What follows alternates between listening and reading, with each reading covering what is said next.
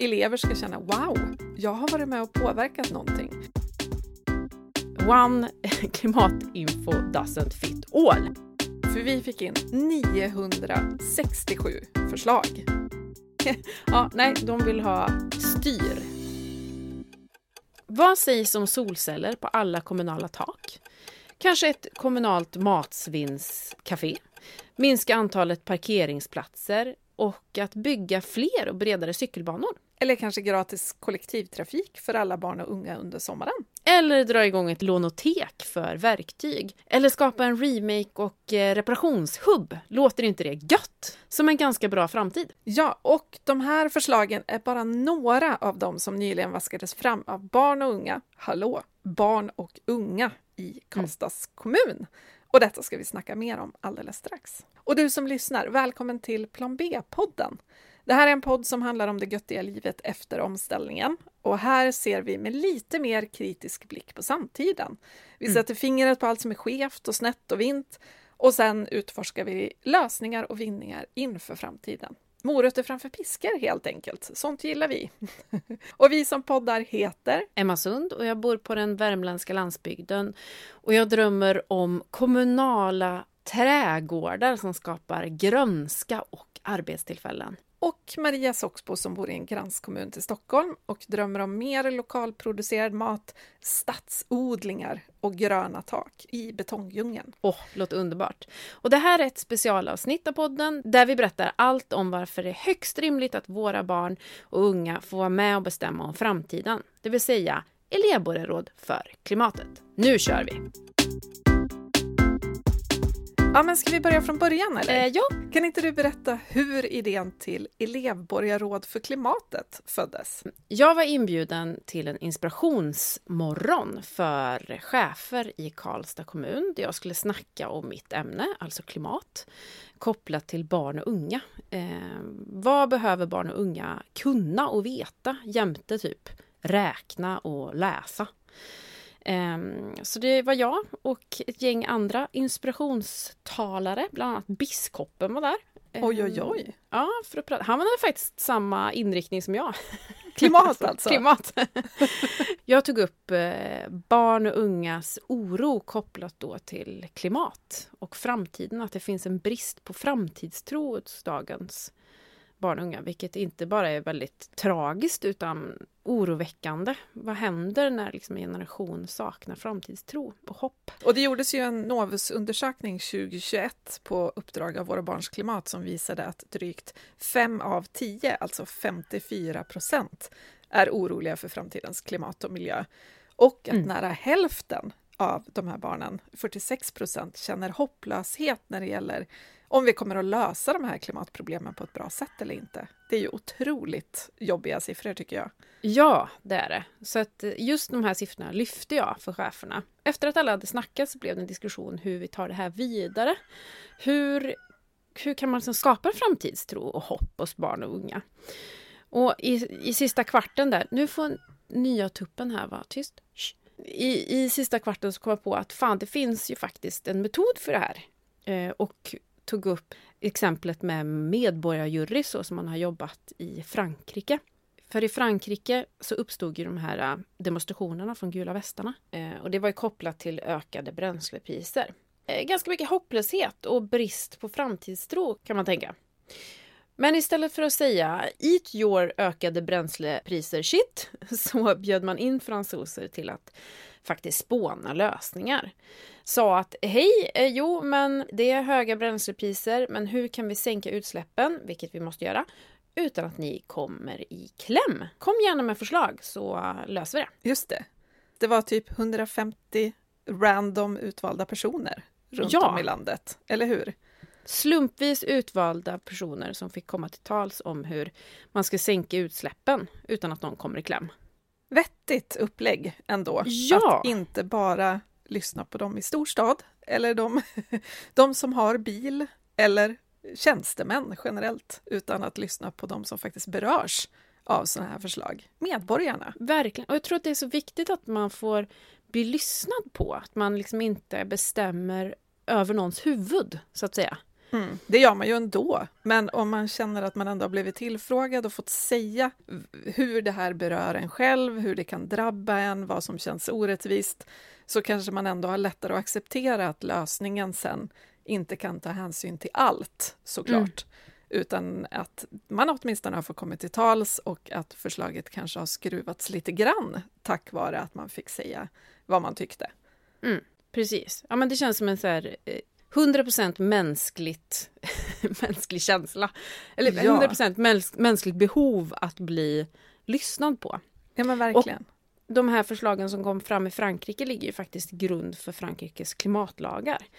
Och gissningsvis har man kunnat stifta ganska vassa klimatlagar. Så Frankrike är ju kända för att ha väldigt vassa och radikala klimatlagar jämfört med andra länder. Just för att medborgarna har kunnat komma till tals. Det är inte liksom en, ett, ett finger upp i luften i att så här, men, eh, folk har röstat på vårt parti på grund av att vi har den här klimatpolitiken. Det är väldigt svårt att utröna med tanke på ett på att ett, ett parti har hundra frågor som de tar upp. Så att det här blir ju en form av liksom direktdemokrati kan man säga. Och det här blev du inspirerad av då, men du skruvade det ett snäpp till, för medborgarjuryn i Frankrike, det bestod ju av vuxna.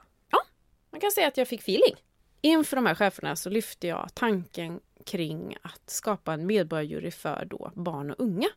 Att de ska få komma till tals kring, kring hur man eh, sänker utsläppen i Karlstad kommun på ett rättvist sätt utan att någon kommer i kläm. Det här är väldigt rimligt med tanke på att de beslut, vi har väldigt kort om tid på oss. De mm. beslut mm. som fattas idag är väldigt, väldigt viktiga. Men mm. vilka ska leva längst med de här besluten? Det är ju inte du och jag.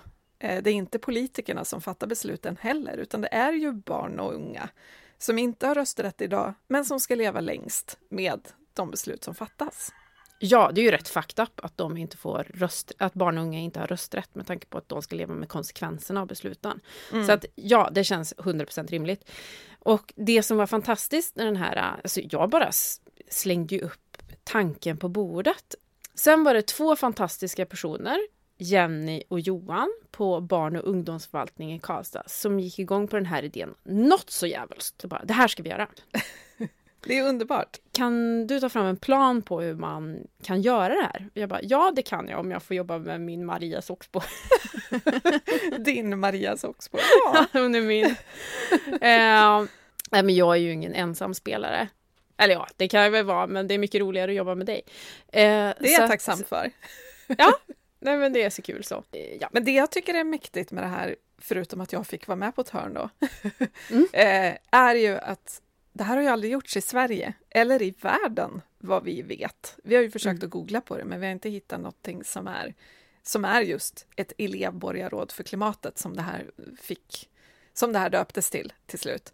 Mm. Utan det här är ju helt oprövad mark. Och då mm. krävs det ju faktiskt lite mod för en kommun att gå först och våga testa en idé. Och är det något vi behöver i omställningen så är det ju människor som är lite modiga och tänker nej, det här har aldrig gjorts förut. Men vi vet inte hur det går om vi inte testar. Alltså man älskar ju det. Man vill ja. se sådana eh, initiativ hagla. Och vi hade ju inte heller någon, vi hade inte heller en aning om när vi drog igång det här. Kommer det, kommer det flyga? Kommer barn och unga tycka att det är viktigt och kul? Kommer pedagoger och lärare känna att det här är en, en bra sak?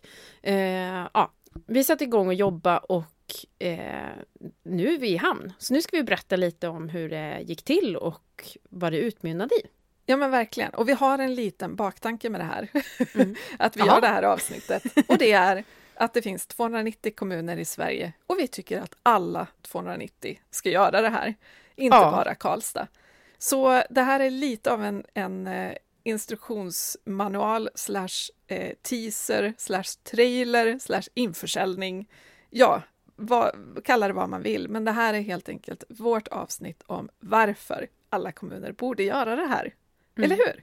Ja, för det här är så, det, här, det är så fruktansvärt viktigt, det är så vettigt och vi har fått så otroligt fina ord från eleverna om att det här dämpar oro. Och då känns det så värdefullt att har man kunnat vara med och dämpat klimatoro och ge framtidshopp, då är det liksom, ja.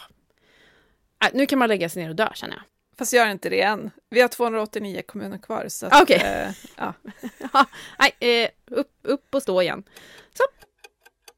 ja, men ska vi helt enkelt gå igenom hur vi genomförde det här projektet då? För det har vi hållit på med i många månader nu. Ja, vi började höstas med att ge alla rektorer i kommunal förskola och grundskola en utbildning i klimat och miljö för att de skulle ha en stadig grund att stå på. Men vi nöjde oss inte där, eller hur? Nej, precis.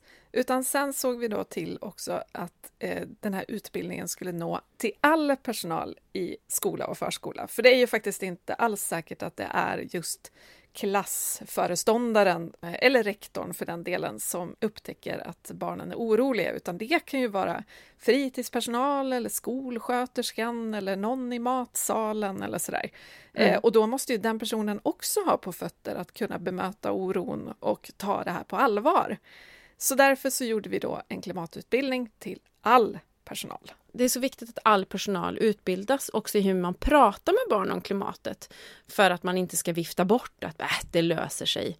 För då förminskar man ju barnens oro. Eh, och då, det hamnar ju inte heller särskilt bra om man säger så. Nej, precis. Och det kan ju också leda till mer oro om barnen känner att så här, jag, jag är orolig, jag har hört det här, jag tycker att det känns läskigt och vuxna bara liksom viftar bort den och säger nej, nej, det behöver inte du tänka på. Då Mm. känner man ju bara att det finns någonting som döljs för en och då Mm. kan man ju bli ännu mer orolig. Lite som i filmen Don't look up.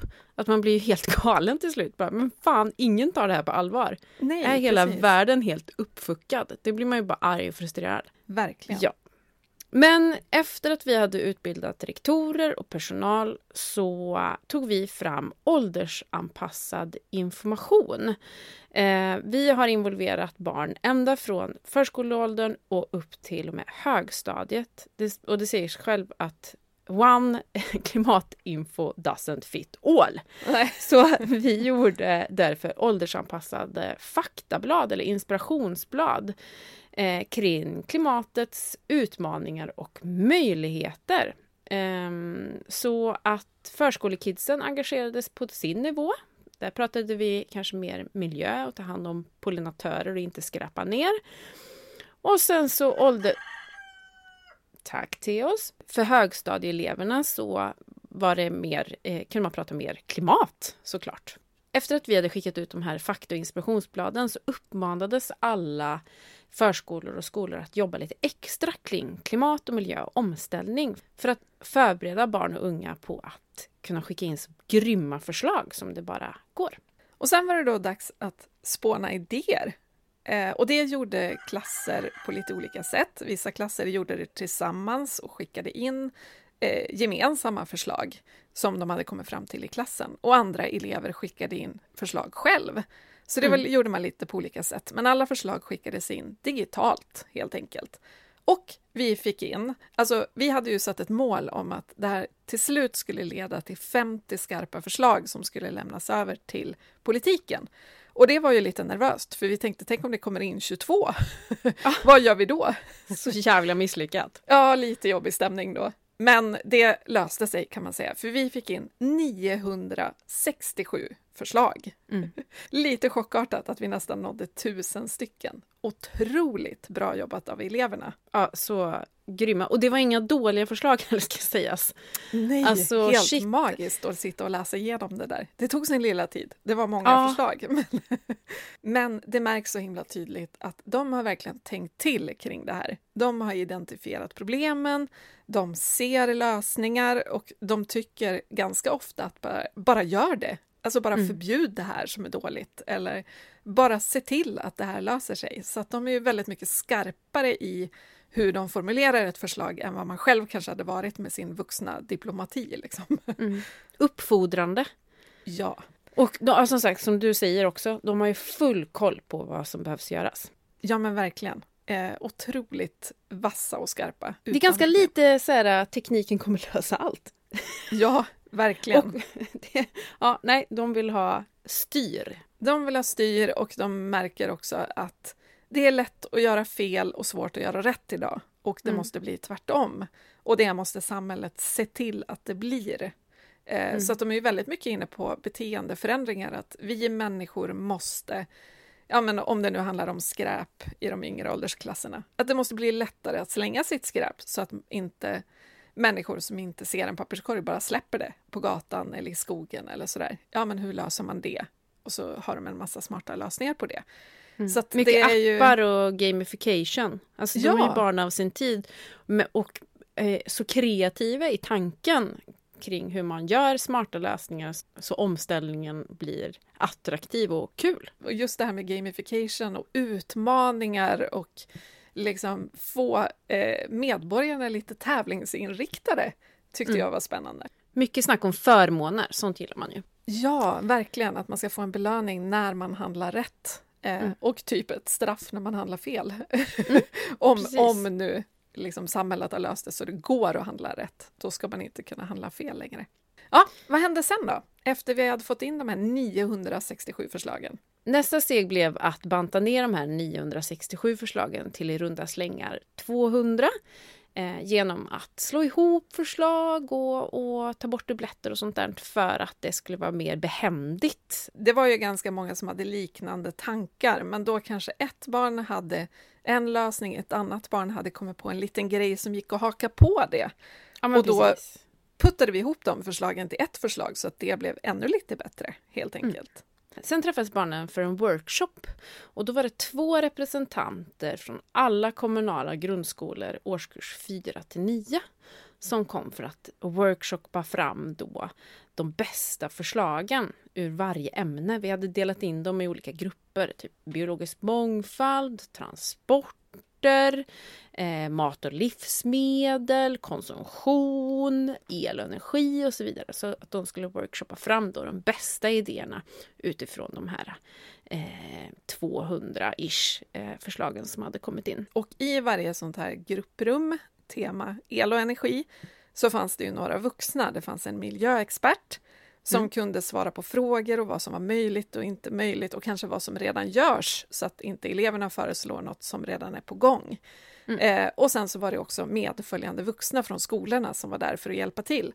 Men det roliga var ju här att de vuxna verkligen satt i passagerarsätet, det vill säga att de fick inte styra förslagen, Eh, De fick bara svara på frågor och hjälpa till att anteckna och vara lite assistenter, för det här var ju barnens show. Efter dagens slut så skulle de skicka in då förslagen till oss och så sammanställde vi dem. Och målet var 50 skarpa förslag.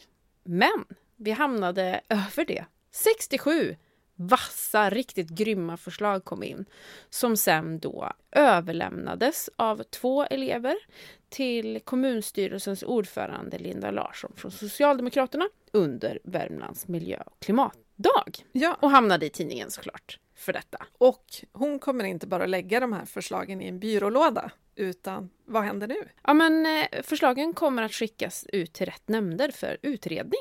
Och Linda sa, jag träffade ju henne på Värmlands miljö och klimatdag och hon hoppades att få in några förslagen i årets budget eh, och göra verkstad redan nu. Så det Alltså, var ju väldigt så hoppfullt. mäktigt. Ja, Mm. och det är ju det vi verkligen hoppas, att så många som möjligt av de här förslagen leder till någonting i slutändan, någonting konkret. Så att media sen kan rapportera om att nu införs det här eller nu förändras det här och elever ska känna wow, jag har varit med och påverkat någonting. Mm. Och oavsett liksom att ja, just idag har de inte rösträtt och idag kan de inte påverka så mycket om inte det här hade funnits. Men man kommer ju också känna att så här, demokrati, politik, det är någonting som inte bara sker någonstans högt upp i ett konferensrum långt från mig som medborgare, utan man kommer Mm. ju känna att det går att påverka saker och det kommer ju de ha med sig in i vuxen ålder så att de kanske blir mer engagerade i samhällsfrågor, vill jobba ideellt eller vill engagera sig politiskt eller skicka in medborgarförslag. Det finns ju mycket man kan göra. Och jag tror att det här projektet kanske också har väckt lusten att vara in och härja lite i politiken. Ja, och det vittnade ju många elever om också, att de blir mer intresserade av att följa nyheterna exempelvis. Precis. Följa vad som sker i deras närområde. Eh, så ja, hej media, ni har Varsågod. ni, har, ni har en kundbas även i framtiden. Ja, Nej, men jag tycker att det verkligen. här är så himla viktigt. Dels som demokratiinsats. Är att få folk engagerade men också samhällsintresserade.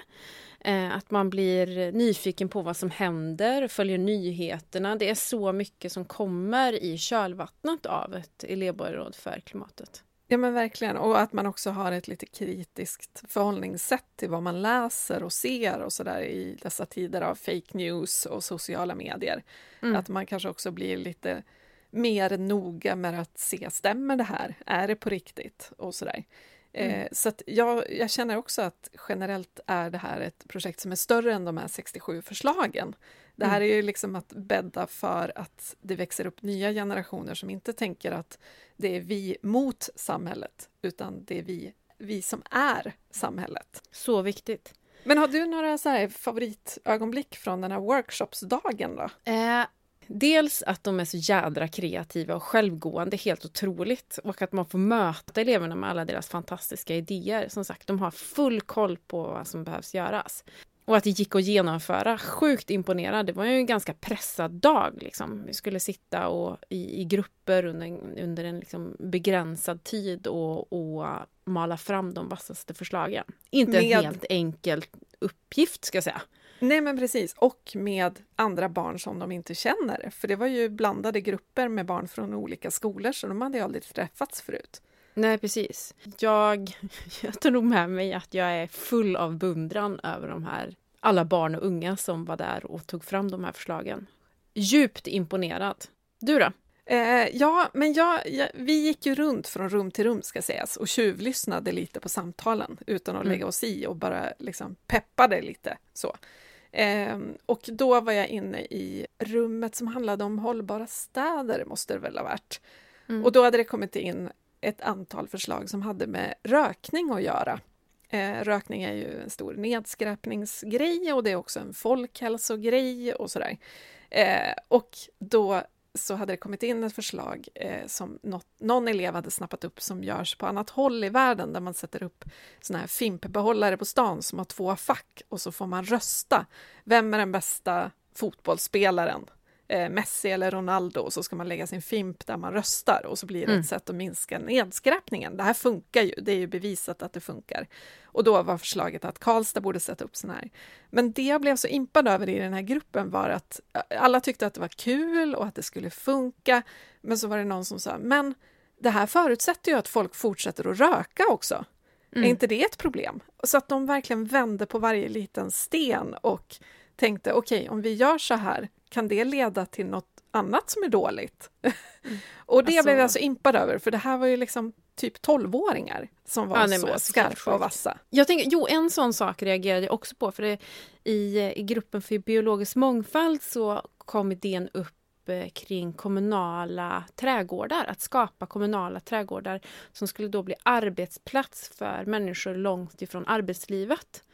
Just och att de kunde odla, alltså förstå problemlösningen. Ett, skapa biologisk mångfald och mer grönska.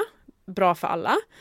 Skapa arbetstillfällen för de som står långt ifrån arbetslivet och att de kunde odla sin egen mat. Alltså du vet, det är så jävla fint. Och de så här har tänkt in då att det också då att de skulle få en försörjning, att de kunde tjäna pengar på att sälja sina grönsaker som de odlar. Ja, men alltså precis. det är ju bara det, det, löser så många utmaningar i, i, ett och samma förslag. Plus att så här, ja, ja, nej, jag är stum. Ja men precis, och så visst var det också att det var tanken att man skulle också kunna göra smoothies av äpplen och sånt i den här trädgården som, som behövde tas om hand och sälja de smoothiesarna. Och så mm. kunde folk på stan få en god smoothie och så kom det in pengar som kunde gå till lönerna och så vidare. Det mm. var så många led i det här förslaget, jag håller med, det var helt fantastiskt. Eh, ett förslag som eh, låg nära det var ju att skapa ett kommunalt matsvinnscafé. Där man tar hand om eh, mat som annars skulle ha slängts och göra fantastiskt god mat av och sälja. Så smart. Så det fanns ju otroligt många lösningar och det rörde sig både liksom i skolmiljön, att man ville involvera slöjden mycket mer i mm. att skapa lösningar för framtiden och att det skulle finnas klädbyten på skolan och så vidare till liksom hela vägen ut i samhället. Det fanns ju till och med förslag om att det borde sitta lite förhållningsregler vid gränsen till Karlstads kommun.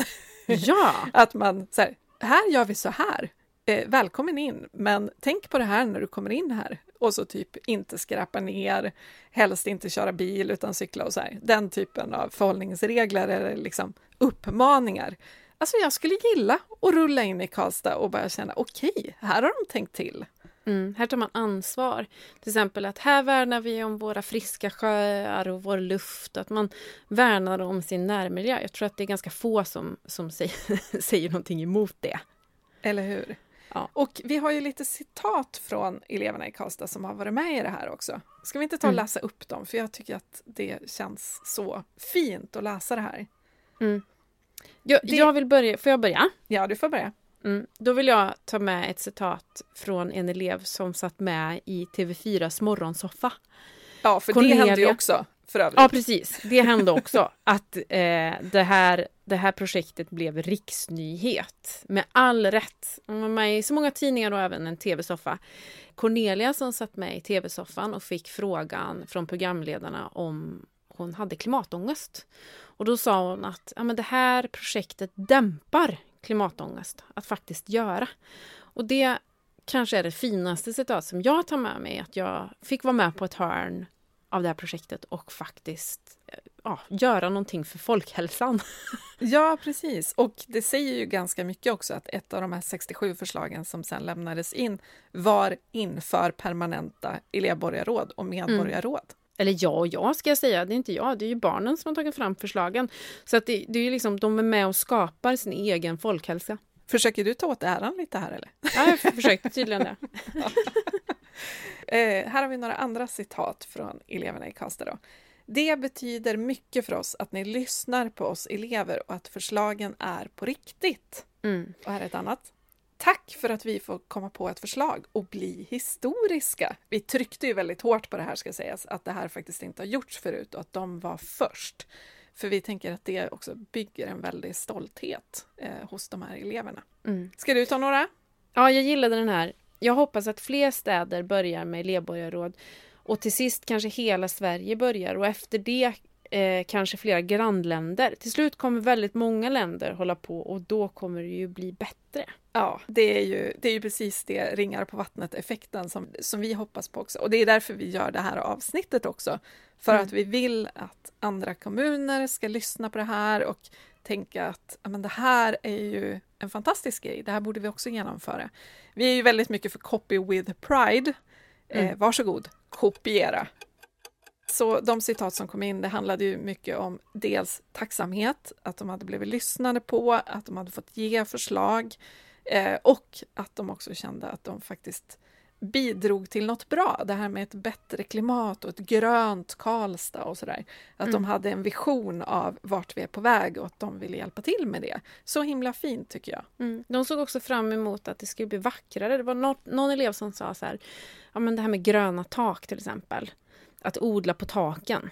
Mm. Eh, som var ett förslag som kom in. Att hon, hon sa så här, det kommer bli så vackert i Karlstad. Och det håller jag med om. Att, att se det vackra och se liksom fördelarna med att ställa om och göra det till något attraktivt. Det, ja. ja de var ju väldigt ser verkligen in... fram emot framtiden. Verkligen, och de var ju väldigt mycket inne på också att, att begränsa bilarna, att ta bort liksom, biltrafiken och byta ut det mot annat, mot mer träd och mer mm. grönområden och sådär.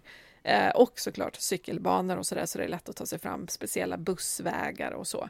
Mm. Så de hade ju både lösningarna för hur människor ska kunna ta sig runt men också att det finns vettigare sätt att utnyttja ytor på än att mm. göra bilgator. Det var, det var så intressant. Jag överhörde en grupp eh, som sa så här, men lägg, lägg parkeringarna utanför stan. Och då var det någon som frågade så här, men hur ska alla vuxna ta sig till jobbet då? Ja, men då sa, väl, då sa ett av barnen, bara, men de kan väl gå? ja, ja. Ja, true that. True ja, men that. Alltså, ja. Säger ett barn som inte har körkort och går och cyklar överallt, ja, förmodligen. Om inte precis. de blir skjutsade av sina föräldrar. Eh, ja. Så det ett rimligt förslag för någon som vet att det går att leva utan bil. Ja, men också så förståelse också för att alla inte har samma förutsättningar. För det var ju också, men de som inte kan gå, de kanske ska ha dispens. Eller mm. de som har liksom, de som har ett behov, de ska ha dispens. Men det ska, det liksom för majoriteten så är det liksom gå. och Ja. cykla som gäller. Mm. Rimligt. Om du undrar över oväsendet från den värmländska landsbygden så är det en tupp som har rymt utanför mitt fönster och alla höns är upprörda. Oj, oj, oj. Så Den- ursäktar eh, kaoset här. Mm. Biologisk mångfald jobbar vi med i den här podden. Mm. Ja, men känner inte du också att du blir ganska pepp på ett medborgarråd för vuxna? eh, jo, Jag blir liksom lite avundsjuk på den här möjligheten att få sitta och spåna ner mina lösningar. Det är ju lite det vi håller på med i den här podden. mm. Vi, vi har som ett eget litet medborgarråd här där vi eh, spånar lösningar i en massa avsnitt och så skickar vi ut det i etern och hoppas att rätt personer lyssnar. få överlämninningar dock. Ja, till, det är ju det. Till eh, kommunstyrelsens eh, eh, Ordförande. till, ordförande. Precis, det är väldigt få sådana Nej, för jag tänker ju just den här Frankrike-lösningen, 150 eh, slumpvis utvalda medborgare som faktiskt får uppdrag att spåna framtidens lösningar. Jag vill ju se det i Sverige också. Jag vill se elevborgarråd i alla kommuner, men jag vill också se ett nationellt vuxenråd. Mm, nu tuppen tillbaka. Eh, det, som, eh, det, det som jag tycker också var, eller det som jag tycker också är så vettigt med medborgarråd och elevborgarråd för klimatet är ju att man skapar förståelse för varandras utmaningar. När vi delade in de här grupperna så var vi väldigt noga med att det, skulle finnas representanter för, från både landsbygdsskolor och stadsskolor så att lösningarna skulle gynna både stad och landsbygd under Mm. den här workshopen. Och, Viktig eh, poäng. Ja, viktig poäng. Och i ett land som Sverige där det finns en väldigt, väldigt polarisering just mellan stad och landsbygd så tror jag att medborgarråd skulle vara det skulle, det skulle vara bra. Av- av Årets många olika, underdrift. det skulle vara bra av många olika anledningar. Men just Ja. för att minska polariseringen och, och att skapa förståelse kring olika utmaningar. Det är inte så enkelt att ställa bilen när man bor på landsbygden och det finns exakt noll andra möjligheter. Och det måste man ju ha med sig i omställningsarbetet såklart. Okej, så nu har ni fått höra lite grann om hur det här gick till. Vi fick ju prova oss fram. Det här var ju i allra högsta grad ett pilotprojekt utan instruktionsbok. utan vi tänkte ju ut det här så noga vi kunde och så försöker vi lära oss så mycket som möjligt av det också. Men vi tycker ju faktiskt att det gick otroligt bra, över förväntan med tanke på att det aldrig hade gjorts förut. Eller hur? Mm, verkligen. Och det som känns roligast med det här projektet är att det inte bara ger lösningar för klimat och miljö utan det är lika mycket ett hälsoprojekt.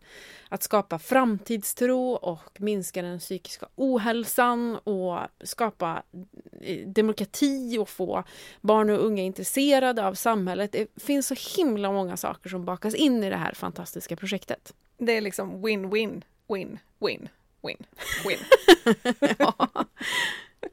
Och vi ska ju säga att det är ju såklart inte barnens ansvar att lösa det här. Det är ju vuxnas ansvar. Eh, men det är också vuxnas ansvar att se till att kommande generationer mår bra och kan känna framtidstro. Och det kan ju det här elevborgarrådet bidra med eftersom barnen känner sig lyssnade på. Och Mm. det är ju ångestdämpande då, precis som du var inne på. Och så tänker jag också att barn och unga tänker ju utanför boxen på ett sätt som vuxna kanske inte gör alla gånger. Ja, Eh, och ska vi rita om hela samhället, vilket vi ju behöver göra på sätt och vis, ja, då kan vi ju inte utgå från samma gamla box eller system eh, som vi alltid har harvat runt i. Då kommer ju Mm. liksom inte lösningen att vara tillräckligt bra. Så binder done that, låt oss kliva ut ur boxen och låt barn och unga hjälpa oss att fatta hur man gör det. Ja, tack. Ja, men det, det var ju väldigt tydligt under workshopen att de sket lite i hur det skulle landa det här förslaget. Ja. Och det, det tror jag vi vuxna har en liten... Vi tänker in för mycket i hur saker och ting landar. I Ja, respekt för andra. Och det är ju bra att vi har respekt, men kanske att vi ska vara, våga vara lite skarpare. Ja, att vi kanske tassar runt lite för mycket och tänker att mm, här, det får inte bli för obekväm stämning. Nej. Men vi har ju kanske inte tid att vara fullt så försiktiga, utan vi Nej. kanske faktiskt bara måste presentera en lite obekväm lösning som ta bort en massa parkeringsplatser och sen förklara varför. För Mm. att vi vill ha en bilfri stad där luften är ren och ingen dör i trafiken och utsläppen minskar och vi får gröna gator. Låter inte det bra? Och paketera in några smarta lösningar. Eh, till exempel bokningsbar kollektivtrafik som tar olika rutter beroende på var eh, behovet finns. Nu blev podden Medborgarråd för klimatet igen. det här är lösningen som, som vi vill ha själva. Så ja. rätt person kan ni lyssna, tack. Ja. Men nu är ju målet också då att alla kommuner ska införa ett elevborgarråd för klimatet, såklart. Mm. För det ska ju inte bero på var man bor i landet om man får möjlighet att göra sin röst hörd som ung. Um, och det vill vi ju hjälpa till med, eller hur? Ja. På klimatklubben.se finns information om elevborgarråd för klimatet och kontaktuppgifter så alla kommuner kan höra av sig till oss. Nu! Ja. nu, igår helst. Ja. ja, så du som har lyssnat på det här och som förmodligen bor i en kommun, tänker vi oss, för det gör alla. Eh, du får ju såklart jättegärna ta det här vidare. Det finns ju som sagt info på klimatklubben.se som du kan ta med och kopiera och skicka en länk till din kommun och du kan också tipsa om det här avsnittet av podden om man vill höra lite mer hur det gick till. För här berättar vi ju lite mer utförligt om det. Eh, för det är ju det vi vill. Vi vill ju att varenda kommun ska höra av sig och säga när får vi göra det här? Hur gör man? Och vi har ju samlat på oss så mycket erfarenheter av det här projektet så låt oss få använda de erfarenheterna. det är många dokument i datorn nu alltså med, oh, med ja. smarta tankar och eh, utvecklingsmöjligheter och tänk på det här och sådär som vi vill mm. ta med oss in i nästa elevborgarråd för klimatet helt enkelt. Du har nu lyssnat på ett specialavsnitt av Plan B-podden om världens första elevborgarråd för klimatet med oss, Maria Soxbo och Emma Sund. Och vi är också medgrundare av den ideella föreningen Klimatklubben då, som kommer att vara en bas för elevborgarråd för klimatet så att fler, alla, obs, obs, kommuner kan genomföra det här. Så har ni frågor, kontakta oss på hej klimatklubben.se så återkommer vi med all information ni behöver. Och vill ni höra fler avsnitt av Plan B-podden så finns vi där poddar finns, samt på planbpodden.se.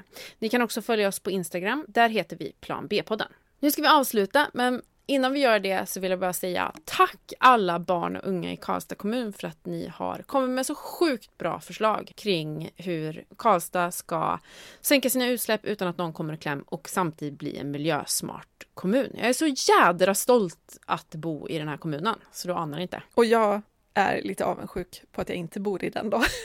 Men jag vill också säga tack till Karlstads barn och unga. Fy fasen vad ni har varit grymma och duktiga och kreativa och smarta och verkligen höjt ribban för vad vi trodde att det här projektet skulle leda till. Och sen mm. måste vi också säga tack till de vuxna i Karlstad kommun som lät det här hända. Oh. som faktiskt släppte lös oss i det här projektet och lät oss eh, skapa elevborgarråd för klimatet. Mm. Och tack till Klara Perhamre på Karlstad kommun som var projektledaren där. Som, jag brukar beskriva henne som Get Shit Done. Ja. Eh, för det är hon som har eh, liksom fått det här elevborgarråd för klimatet att hända. Så tack Klara! Verkligen. Tack Klara! Tack för att ni har lyssnat! Tack så mycket! Hej då! Stolt Karlstadbo checkar ut.